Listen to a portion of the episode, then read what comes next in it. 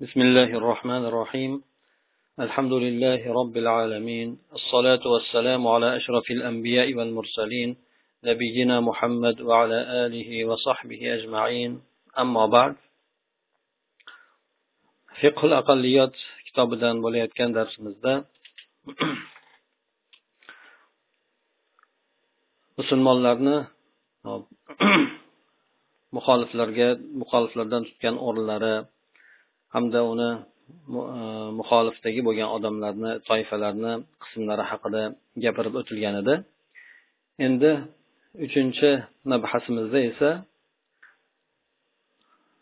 musulmon bo'lmaganlarni diyorlarini taqsimotlari ularni islomdan va musulmonlardan tutgan o'rniga qarab turib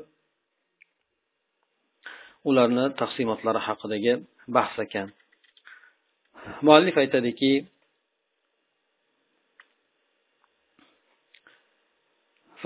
avvalgi fuqarolarimizni odati dunyoni asosiy ikki qismga ajratishlik bo'lgan edi.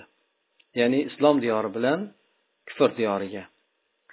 Har bir diyor o'zini ahllarini aqidasiga qarab turib o'shandan ularni aqidasiga qarab turib hamda ulardagi hukmron bo'lgan siyosiy nizom tabiatiga qarab turib u yerdagi hukmron bo'lgan qonuniy qoidalarga qarab turib har bir diyorga o'zini sifatlarini berishgan.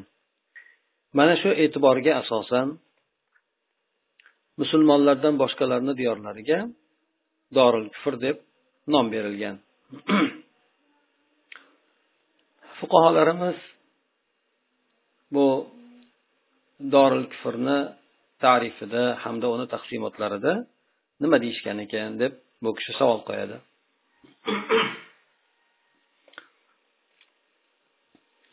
Fuqarolar aytishadiki dori kufr degani bu g'oliblik musulmonlardan boshqalar uchun bo'lgan yoki bo'lmasa kufr hukmlari unda zohir bo'lib turgan diyorni aytilar ekan. Bu o'rinda islom hukmlarini izhor qilishlikni hech qanday imkoniyati bo'lmaydi. Mana shunday bo'lgan diyorlarni kufr diyorlari deb atashgan ekan. Demak musulmonlardan boshqalar u yerda g'oliblik qilib turgan bo'lsa kufr hukmlari oshkor suratda tadbiq qilinayotgan bo'lsa islom hukmlarini izhor qilishlik imkoniyati bo'lmaydigan bo'lsa buni kufr diyori deb aytishgan ekan. Garchi bu yerda o'tgan safarda aytib o'tganimizdek musulmonlarni ozchilik yashashligi ko'pchilik yashashligini unchalik e'tibori yo'q deyilgandi. Kufr diyori ikki qismga bo'linar ekan. Birisi dori harb deyiladi ikkinchisi dori ahd deyiladi. Ya'ni hop bularni ham quyida har birini ta'riflarini keltirib o'tadi. Bu albatta o'sha bizni avvalgi fuqarolarimizni taqsimotlarida bo'lgan. Demak dunyo asosan ikki qismga bo'linsa kufr diyori hamda islom diyoriga bo'linadigan bo'lsa kufr diyorini ham o'zini holatiga qarab turib ikki qismga bo'linar ekanki ya'ni musulmonlarga tutgan o'rniga qarab turib birisi kurash jang diyori deb aytiladigan bo'lsa ikkinchisi ahd kelishuv diyori deb nomlanar ekan. Birinchisi jang diyori. Bu u yerdagi kofirlar bilan musulmonlarni diyorlarni o'rtasida u qoyim bo'lib turgan yoki kutilayotgan urush bo'layotgan joylarni dori harb deyilar ekan. Uni yerda musulmonlar bilan birgalikda hech qanday ahd ham hech qanday sulh kelishuvlar ham bular bizni ular bilan birga bog'lamaydi. Mana shunday diyor dori harb bo'lar ekan. Ya'ni musulmon diyorlari o'rtasida musulmon diyori bilan kufr diyori o'rtasida jang bo'lib turgan yoki jang bo'lishligi kutilib turgan hech qanday o'rtada sulh ham kelishuv ham bo'lmagan diyor demak bu dori harb deb sanalar ekan. Bu diyor musulmonlar bilan birgalikda ularni ochiq suratdagi dushmanona mavqifi tutgan o'rni sababli tinchlik holatida bo'lmaydi. Bulardan masalan amaliy suratdagi harbiy tajovuz qilishlik bostirib kelib o'sha joylarni bosib olishlik bu narsalar ko'p hosil bo'lgan hamda sodir ham bo'lyapti. Yoki bo'lmasa ollohni dinidan to'sishlik yuqorida aytib o'tilganda jihod qachon farz qilinishligini aslida jihod o'zi diyorlarni o'rtasidagi bo'lgan muomala bunda ixtilof qilishganda avvalgi bir toifa katta bir toifa jihod bo'lsa bir toifa tinchlik degan edi lekin bularni ikkalasi ham shunga kelishgandiki agar allohni dinidan to'sishlik bo'ladigan bo'lsa albatta u diyorga qarshi jihod bo'lishligini aytib o'tishgan edi. Mana shu demak allohni dinidan to'sqinlik sababi bo'ladigan bo'lsa bu ham dori harbga aylantirib qo'yadi. Yoki bo'lmasa da'vatchilarga nisbatan tajovuzlar uyushtirilishligi yo bo'lmasa bizga qarshi kurashayotgan yerimizni tortib olayotgan o'sha xalqlarga nisbatan yordam berishlik bo'layotgan bo'lsa bir diyor tomonidan bu diyorlarni hammasi musulmonlar bilan tinchlik holatda bo'lmaydi balki bu yuqoridagi ta'rifga binoan urush yoki jang holatda bo'ladi.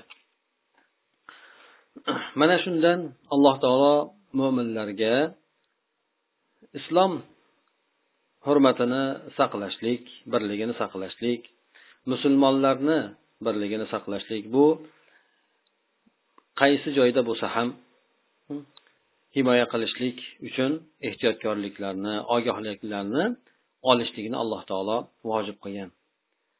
Demak shunday jang diyorlari bo'lgandan keyin musulmonlarga qarshi jang qiluvchi xalqlar bo'lgandan keyin alloh taolo mo'minlarga ehtiyotkorlikni olishlikni vojib qilgan ekan. Bu diyorlarda bu joylarda musulmonlarni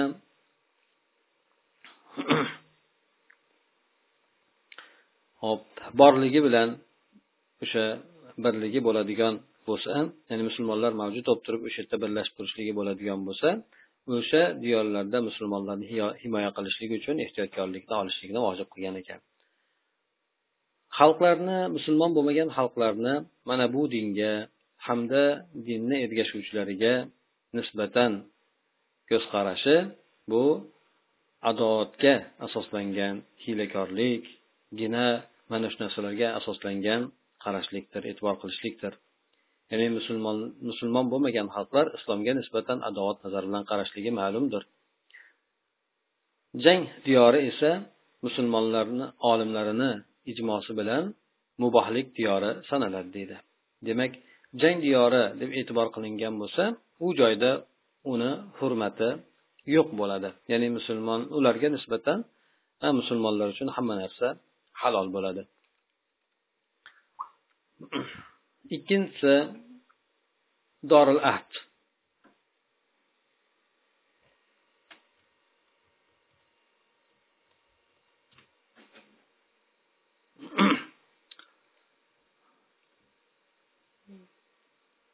Birinchi bo'lim endi o'sha muohadani tarifi kelishuvni tarifi. Muohada degani musulmonlar bilan musulmonlarga qarshi kurashayotgan tomon o'rtadagi jangni tark qilishlikka hmm, o'zlari lozim tutadigan muayyan bir shartlarga ko'ra ho evaz bilan bo'lsin bir mablag' evaziga bo'lsin yoki mablag'siz biron narsasiz evazsiz bo'lsin jangni tark qilib turishlikka ma'lum bir muddat kelishishliklari bo'ladi. Ya'ni ma'lum bir muddatga tinchlik bitimini o'rnatishgan bo'ladi. O'rtada kelishilgan shartlarga binoan bo'ladi. Fuqarolar shu narsaga ijmo qilishganki hudna ahli ya'ni musulmonlar bilan birgalikda kelishgan ahdlashgan tomon bular musulmonlar bilan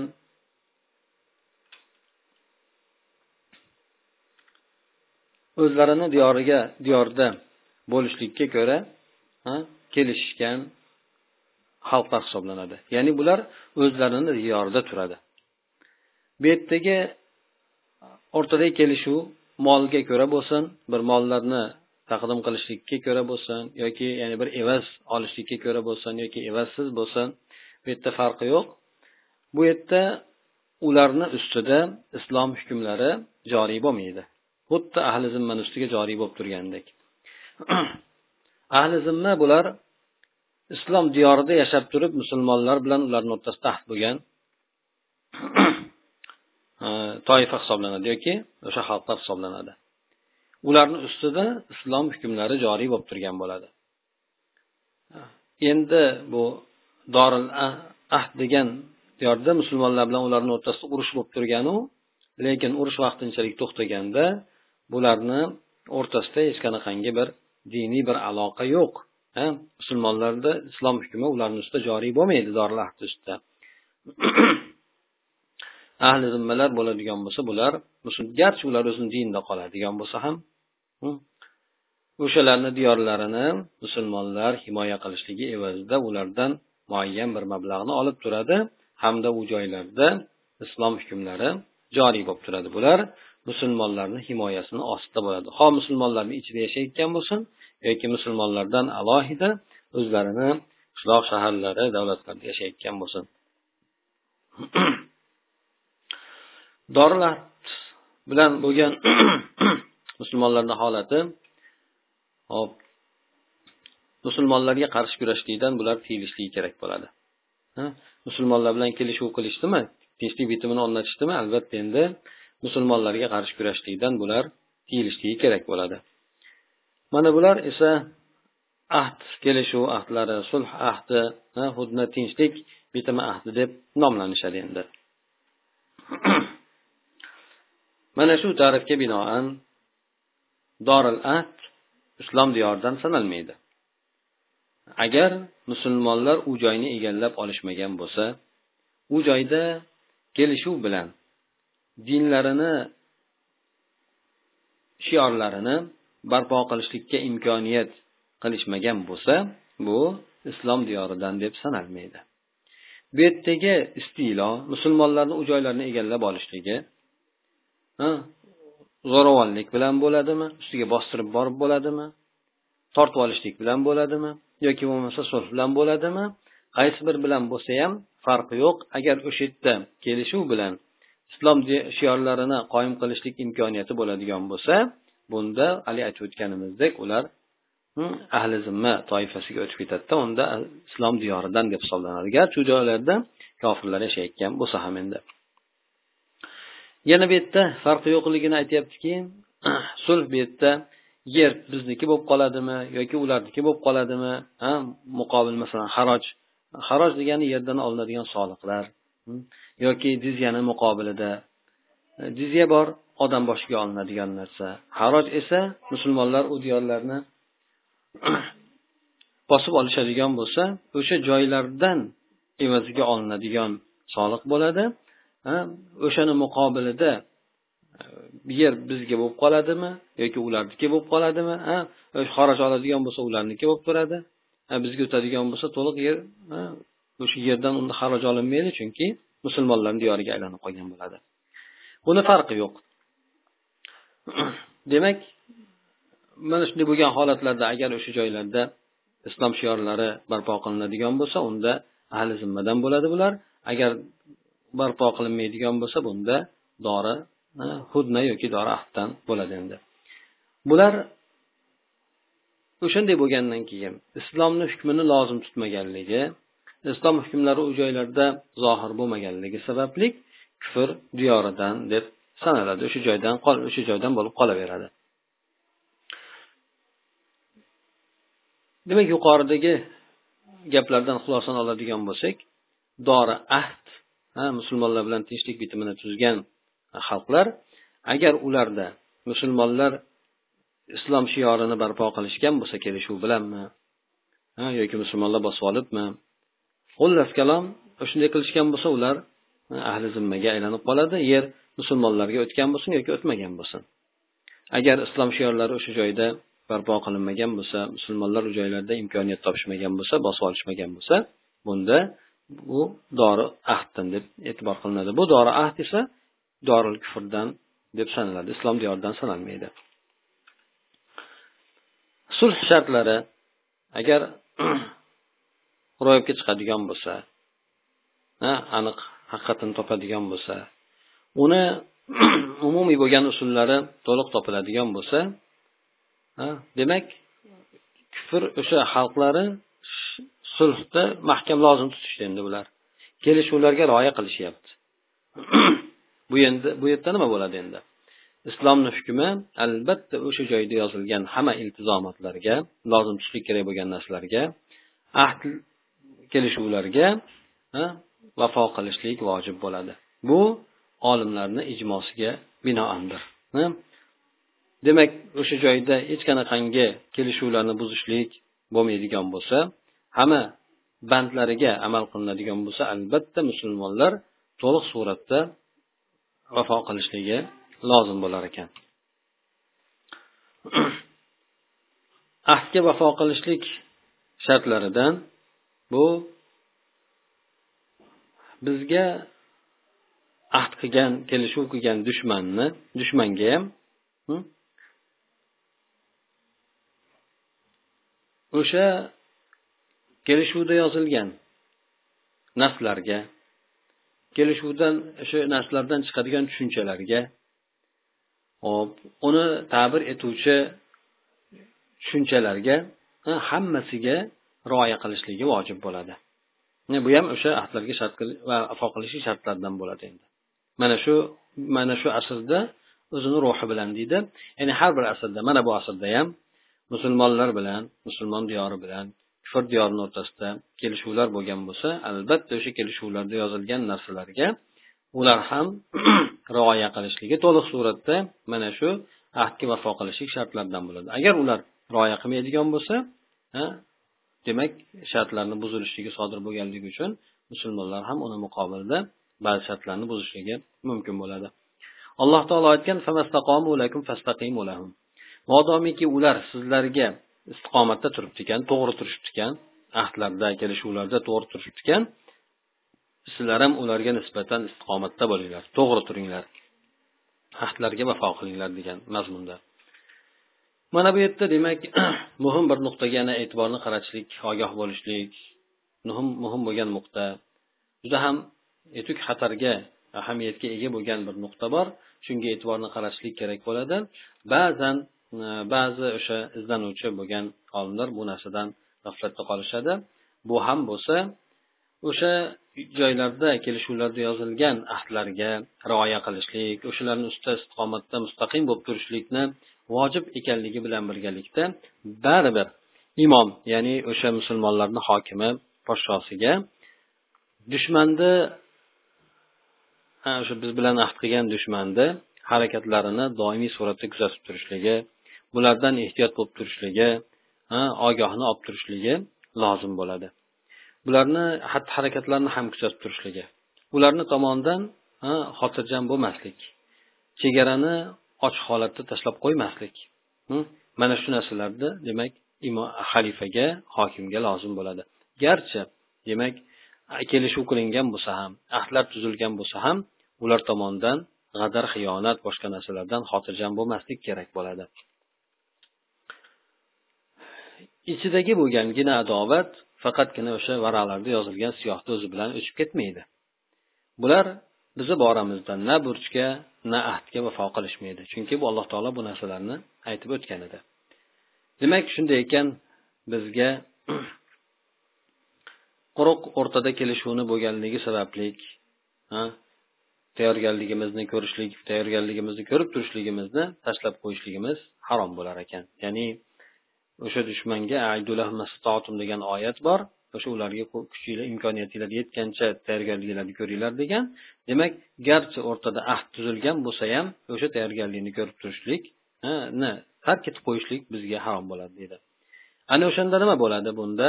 Har bir balati bo'lsin pasi bo'lsin kuchligi bo'lsin zaifi bo'lsin haqlar biz boramizda tama qilib qoladi. Xosatan biz dushmanlar tomonidan jang qilinishlikka hamda dinda to'sqinlik qilishlikka maqsad qilib qo'yilganmiz. Ya'ni dushman bizni mana shu narsamizga qattiq e'tibor beradi. Bizga qarshi jang qilishlik dindan qaytarishlikka. Alloh taolo aytadiki dushmanlar kofirlar mushriklar sizlarga jang qilib davom etaveradilar. Ya'ni davom etaveradilar bu to'xtamaydilar degani. Hattoki ular sizlarni dinlaringizdan qaytargunigacha agar bunga qodir bo'ladigan bo'lsalar. Demak shu biz dindan chiqqunimizgacha bular biz bilan jang qilib davom etaveradi deb alloh taolo buni bayon qildi. Demak bu narsa musulmonlar islomida qolar ekan qiyomatgacha davom etishligini bayon qilgan. Ikkinchi e, bo'lim endi bu boradagi o'sha dorul ahd borasidagi. Hop endi o'sha kelishuv omonlik ahdlarini vojibotlari. Nima narsalarni vojib etadi? Siyosiy islomiy siyosiy mufakkir movardiy rahimalloh bu kishi avvalda yashab o'tganlar ho'p. Bu kishi aytadilarki dushman bilan birgalikda tinchlik bitimini tuzishlik uchta narsa sababli lozimdir. Hm? Nimaga musulmonlar ular bilan kelishuv tuzadi? Uchta narsa uchun kelishuv tuzadi. Birinchisi uchta narsaga sabablik kelishuv tuzadi. Birinchisi al tashqi tomonda ular bilan kelishuv bo'lishligi. Odamni tashqi tomonidan ularga omonlilik. Bu ularga qarshi kurashishlikdan ularni bularga qarshi kurashishlikdan tiyilishligi demak ikki tomonni o'rtasida bo'ladigan jangdan tiyilishlik. Hamda nafslar jonlarga mollarga ko'ndalang bo'lishlik tajovuz qilishlik mana shu narsalarni tark etishlik. Fuqarolar shu narsaga ijmo qilishganki agar musulmon odam doril harbga omonlik bilan kiradigan bo'lsa yoki muodaa bilan muodaa ham o'sha omonlik berilishligi ya'ni kelib yashashlikka ishlashlikka xullas kalom yoki bir e, tijorat qilishlikka mana shu narsalarga o'sha joyda omonlik bergan bo'lsa bunday bo'lgan odam dushmandan bironta qonga bo'lsin molga bo'lsin bironta bir ayolga tajovuz qilishlik mana shu narsalari harom bo'ladi. Demak kufr har doril harbga. Agar omonlik bilan kirgan odam bo'lsa albatta bu odam bironta narsasiga tajovuz qilishligi mumkin emas harom bo'ladi. Chunki musulmonlar o'zlarini shartlariga binoandir. Ha musulmon odamni shart bilan ichkariga qo'ydimi? Albatta ichkariga kirgan odam bu yerda doril harb ekan deb turib hamma ishlarni qilib tashlashlik emas ko'ngliga kelgan. Balki albatta o'sha omonlik o'z ichiga oladigan narsalardan. Hop.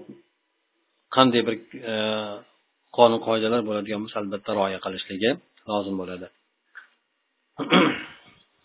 Ma'lum bo'lgan narsa shuki bugungi kundagi davlatlar o'zini yerlariga kirishlikni rag'bat qilayotgan har qanday shaxsga hm, hop kirishlik vizasini faqat o'sha ulardagi bo'lgan umumiy qonunlarini dasturlarini lozim tutishligi asosidagina beradi. Ha biron davlatga kiradigan bo'lsa o'sha vizani berishlikda albatta u odam kirayotgan odam o'sha joydagi bo'lgan qonun qoidalarni hurmat qilishligi rioya qilishligi bo'ladigan bo'lsa ana o'shandagina ularga kirish vizasini beradi.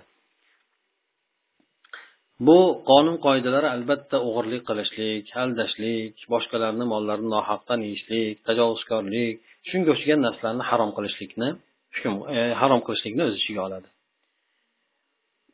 Mana bunday urf albatta o'sha narsaga erishishlik vizaga yoki kirishlikka erishishlik bilan barobar bo'ladi yoki biroz undan oldinroq bo'ladi.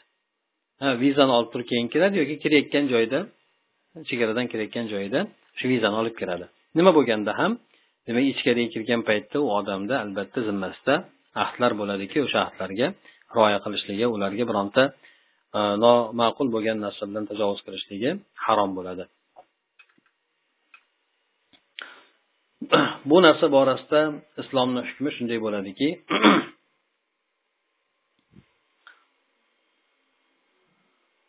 u kirayotgan odam albatta zimmasida bo'lgan narsalarga vafo qilishligi vojib bo'ladi. Garchi bu vafo qilishligi mushrikka vafo qilayotgan bo'lsa ham baribir kerak bo'ladi. Modomiki allohga osiylik bo'lishlikni o'z ichiga olgan bir fosil shart bo'lmagan bo'lsanglar albatta vafo qilishlik kerak bo'ladi. Shunga binoan ularni jonlarini o'ldirishlik yoki bo'lmasa hop e, qonlarini to'kishlik e, yo bo'lmasa ularni o'g'irlab ketishlik yoki ularni azoblab qiynashlik mana shu narsalar harom bo'ladi. O'sha ahdga vafo qilishlik qonuniga amal qilishlik jihatidan demak ularni jonlarini xullas kalom ularga zarar zarar yetkazishlik musulmon odam uchun harom bo'ladi. Bu albatta bu ahdga vafo qilishlik allohga ibodat qilishlik alloh taolodan taqvo qilishlik qoidasi sanaladi. Bu birinchi borasida aytgan gaplar edi. Ba'zi muallif ham o'zini gaplarini o'rtaga qo'shib ketdi.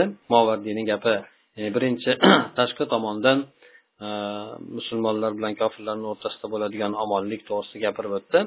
Ikkinchisi esa ichki tomondagi bo'lgan xiyonatni tark qilishlik bu musulmon odam e, o'sha diyorga kiradigan bo'lsa tinchlik bitimiga zid bo'ladigan o'sha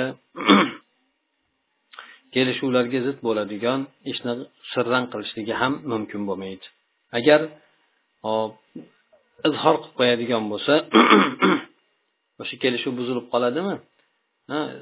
Sirran bir narsa ishlarni qiladiki asha oshkor bo'lib qoladigan bo'lsa kelishuv buzilib qolishligiga olib boradigan ishlar bo'lsa o'sha narsalarni ham qilmaydi. Masalan aytaylik josuslik boshqa narsalarni shunga o'xshagan narsalarni ham qilmaydi. Hop bu yerda ikkala tomon ham o'sha bandlarni lozim tutishlikda barobar bo'ladi endi. Ya'ni ichki tomondan tashqi tomondan omonlik berishlik bu musulmonlarga nisbatan ham o'sha musulmonlar bilan kelishgan diyordagilarga ham bab barobar ikkalasi ham shu kelishuv ahdlarini lozim tutishligi kerak bo'ladi. Uchinchisi uchinchi holati endi bu yerda so'zlarda ham fe'llarda ham mujomala qilishligi. Mujomalani bilasizlar odam hop mujomala degani gapini bunday aytganda yumshoq qilib gapirishlik. Muomalalarni yumshoq qilib qilishlik bo'ladi. Albatta bu gapdan fe'ldan qobih bo'lganlardan xunuk bo'lganlardan tiyilishlik bo'ladi. Musulmonlarga albatta xunuk ishlarni qilishlik xunuk gaplarni xunuk qiliqlarni qilishlikdan tiyilishlik kerak bo'ladi. Musulmonlar uchun ham ular ham musulmonlar uchun o'sha eng yaxshi gaplarni eng yaxshi ishlarni qilishligi sarflashligi kerak bo'ladi. Shuningdek endi biz uchun deb aytadi biz zimmamizda esa u ahdni kelishib kelgan odamlarga nisbatan birinchisi bo'ladi ikkinchisi bo'lmaydi deb bu kishi movardiy aytgan ekan. Ya'ni birinchisi qaysi? Qovul ya'ni gapni ularga nisbatan mujomala qilsak bo'ladiyu lekin ishlarni fe'l amaliy jihatdan ularga mujomala qilishligimiz to'g'ri kelmaydi degan gapni aytgan ekan. Bu muallif aytadiki biz bilan ahd kelishuv qilgan odamlarga nisbatan fe'llar bilan ham amallarimiz bilan ham ularga jindek yumshoq muomala qilishligimiz shariatda hech qanaqa man qiladigan narsa mavjud emasdir. Balki ba'zan o'sha ularni ko'pchiligini oldida islomni qabul qilib islomni lozim tutishlikka sabab bo'ladigan lozim tutishligiga bir undovchi bo'lishligi ham mumkin. O'sha musulmonlar muomalasini so'zlarini chiroyli qilishligi shu bilan birgalikda ularga qiladigan ishlarini ham chiroyli qilishligi agar bo'ladigan bo'lsa buni hech qanaqangi shariatda man qilinadigan holati yo'q deb aytadi. Bu albatta jihodni islomdagi birinchi g'oyasi sanaladi. Ya'ni birinchi g'oyasi odamlarga chiroyli suratda dinni yetkazishlik. Hm? Odamlar o'sha e, dinni yaxshi suratda qabul qilishligi mana shu islomdagi birinchi jihodni maqsadi hisoblanadi. Ya'ni odamlarga dinni yetkazishlik. shunga binoan demak movardiyni gaplarini xulosasini oladigan bo'lsak albatta musulmonlar bilan kufr o'sha jang qilayotgan e, toifalarni o'rtasida agar kelishuv bo'ladigan bo'lsa bu kelishuvlarni o'ziga yarasha lozimotlari bor ekan. Mana shu uchta narsani o'z ichiga olar ekan umumiy suratda. Birinchisi tashqi tomondan albatta e, bir biriga nisbatan omonlik xotirjamlik bo'lishi kerak. Tashqi tomondan ikkinchi tomondan yana ikkinchi tomondan ham ichki tomonidan o'sha ahdni buzishlikka sabab bo'ladigan biron narsani qilmaslik hm, bu yerda ikkala toifa ham musulmonlar ham ular ham shu narsani lozim tutishlik kerak bo'ladi. Uchinchi tomondan esa bir birlariga nisbatan muomalani so'zda ham amalda ham chiroyli qilishligi. Mana shu narsalarni o'z ichiga olgan bo'lishligi kerak deydi. Ho'p endi ikkinchi fasl. Musulmon aqlliyot hukmlaridan ya'ni kufr diyorida yashaydigan ozchilik musulmonlar bularni zimmasida qanday bir hukmlar bor? Mana shu narsalar to'g'risidagi fasl ekan.